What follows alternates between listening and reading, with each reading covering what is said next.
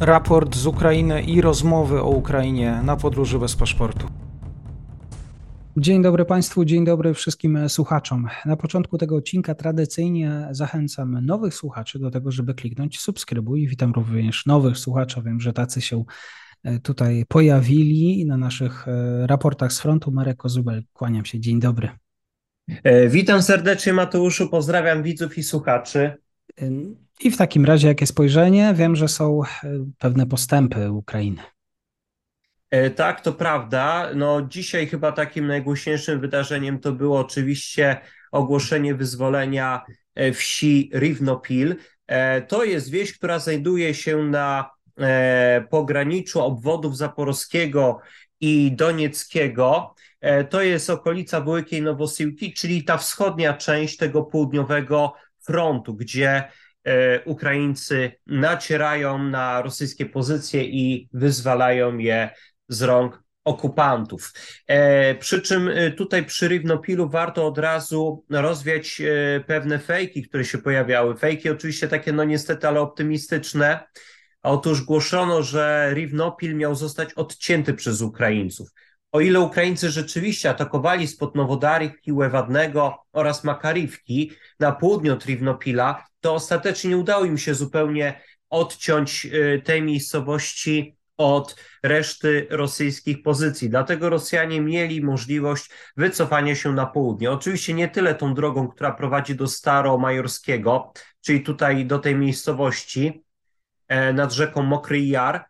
E, po prostu wycofali się jak mogli e, polami.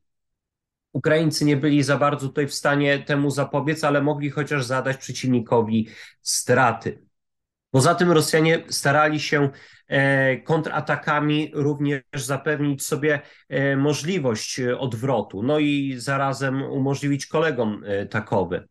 Ale już po odwrocie z Rywnopila, który prawdopodobnie został wyzwolony już wczoraj, dzisiaj tylko ogłoszono jego odzyskanie.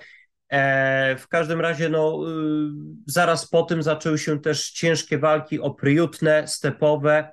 Tutaj na te dwie wsie nacierają Ukraińcy nie wiadomo do końca, jaka jest na razie sytuacja pod Staromajorskim i Urożajnym. Czy Ukraińcy tam naciskają dalej? E, jest to możliwe, aczkolwiek y, no, na razie nie dociera do nas aż tak dużo informacji.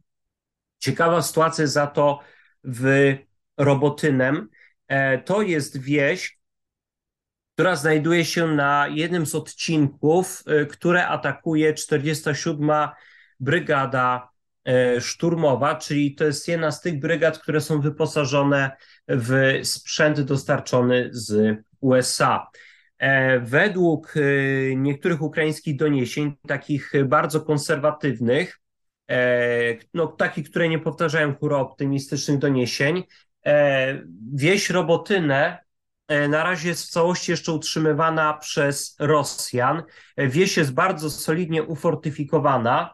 E, no tam nawet się pojawiały takie doniesienia, ja tu mówiłem o, tym w jednym z poprzednich raportów, że e, porównywano trochę te umocnienia do tak zwanego podziemnego e, miasteczka.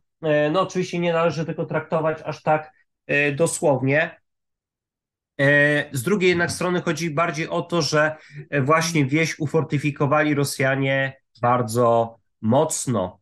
E, w każdym razie no, Ukraińcom jednak nie udało się wkroczyć do północnej części e, Robotynę. E, walki, przepraszam najmocniej, walki toczą się w rzeczywistości na północnych obrzeżach tej wsi. To, to jeszcze nie jest ta północna część, bo były takie doniesienia, że Ukraińcy weszli już do tej północnej, ale nie, walki w rzeczywistości mają się toczyć na obrzeżach, na północ od Robotynego. E, także z jednej strony mamy chociaż tyle y, dobrych informacji, że front przesunął się pod samą wioskę, no ale jeszcze niestety Ukraińcom nie udało się dokonać e, wyłomu i wtargnąć e, no, na ten teren zabudowany tej miejscowości.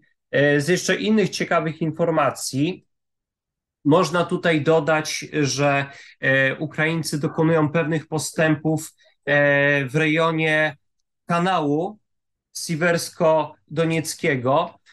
przede wszystkim pod Kurdiumiwką i Ozarianiwką.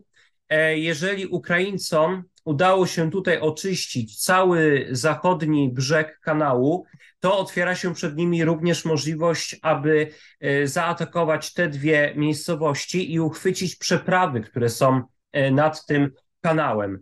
I dzięki temu później Ukraińcy będą mogli prawdopodobnie też wesprzeć swoje e, uderzenia, na przykład w kierunku Andriiwki, zagrozić też rosyjskim pozycjom pod Kliszczyjówką takim właśnie atakiem na południową flankę.